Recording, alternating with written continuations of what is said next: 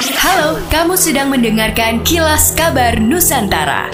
Podcast persembahan KG Radio Network menyajikan berita harian yang mengangkat keunikan dari berbagai wilayah Indonesia. Kilas Kabar Nusantara dapat juga didukung oleh pengiklan loh. BPS Sulawesi Utara mengeluarkan data terbaru mengenai tingkat kemiskinan di daerah ini.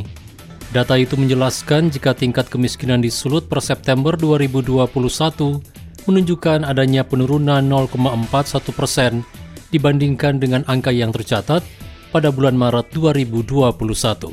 Asim Saputra, Kepala BPS Sulut menjelaskan penurunan juga terlihat dari perbandingan antara bukan September 2021 dan September 2020. Data yang baru dirilis oleh BPS di pertengahan bulan Januari 2022 kata Asim, secara wilayah presentase penduduk miskin di Sulut merupakan yang terendah antara daerah lain yang ada di Pulau Sulawesi. Ajak si kecil belajar sambil mendengarkan dongeng. Media hiburan edukatif, berkualitas, serta aman bagi screen time si kecil yang bisa diakses di mana saja, kapan saja. Yuk, dengarkan dongeng pilihan orang tua, persembahan KG Media, hanya di Spotify. Mega proyek pemindahan ibu kota negara akan dilaksanakan secara bertahap dan diperkirakan membutuhkan waktu sekitar 15 hingga 20 tahun.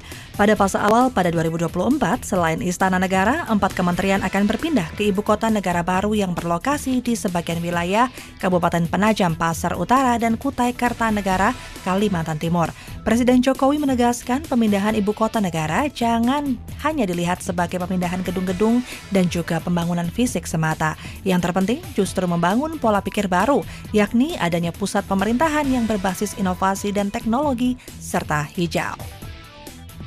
Tahun 2021 tercatat sebagai tahun terpanas. Periode tahun 2015 hingga 2021 adalah periode terpanas yang dialami bumi.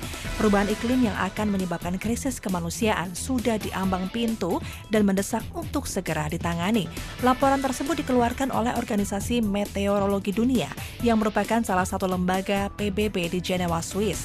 Dari enam lembaga kajian lingkungan lainnya, menemukan bahwa suhu bumi di tahun 2021 meningkat 1, 1,1 derajat Celcius dibandingkan dengan suhu pada tahun 1850 hingga 1900 yang merupakan masa pasca revolusi industri.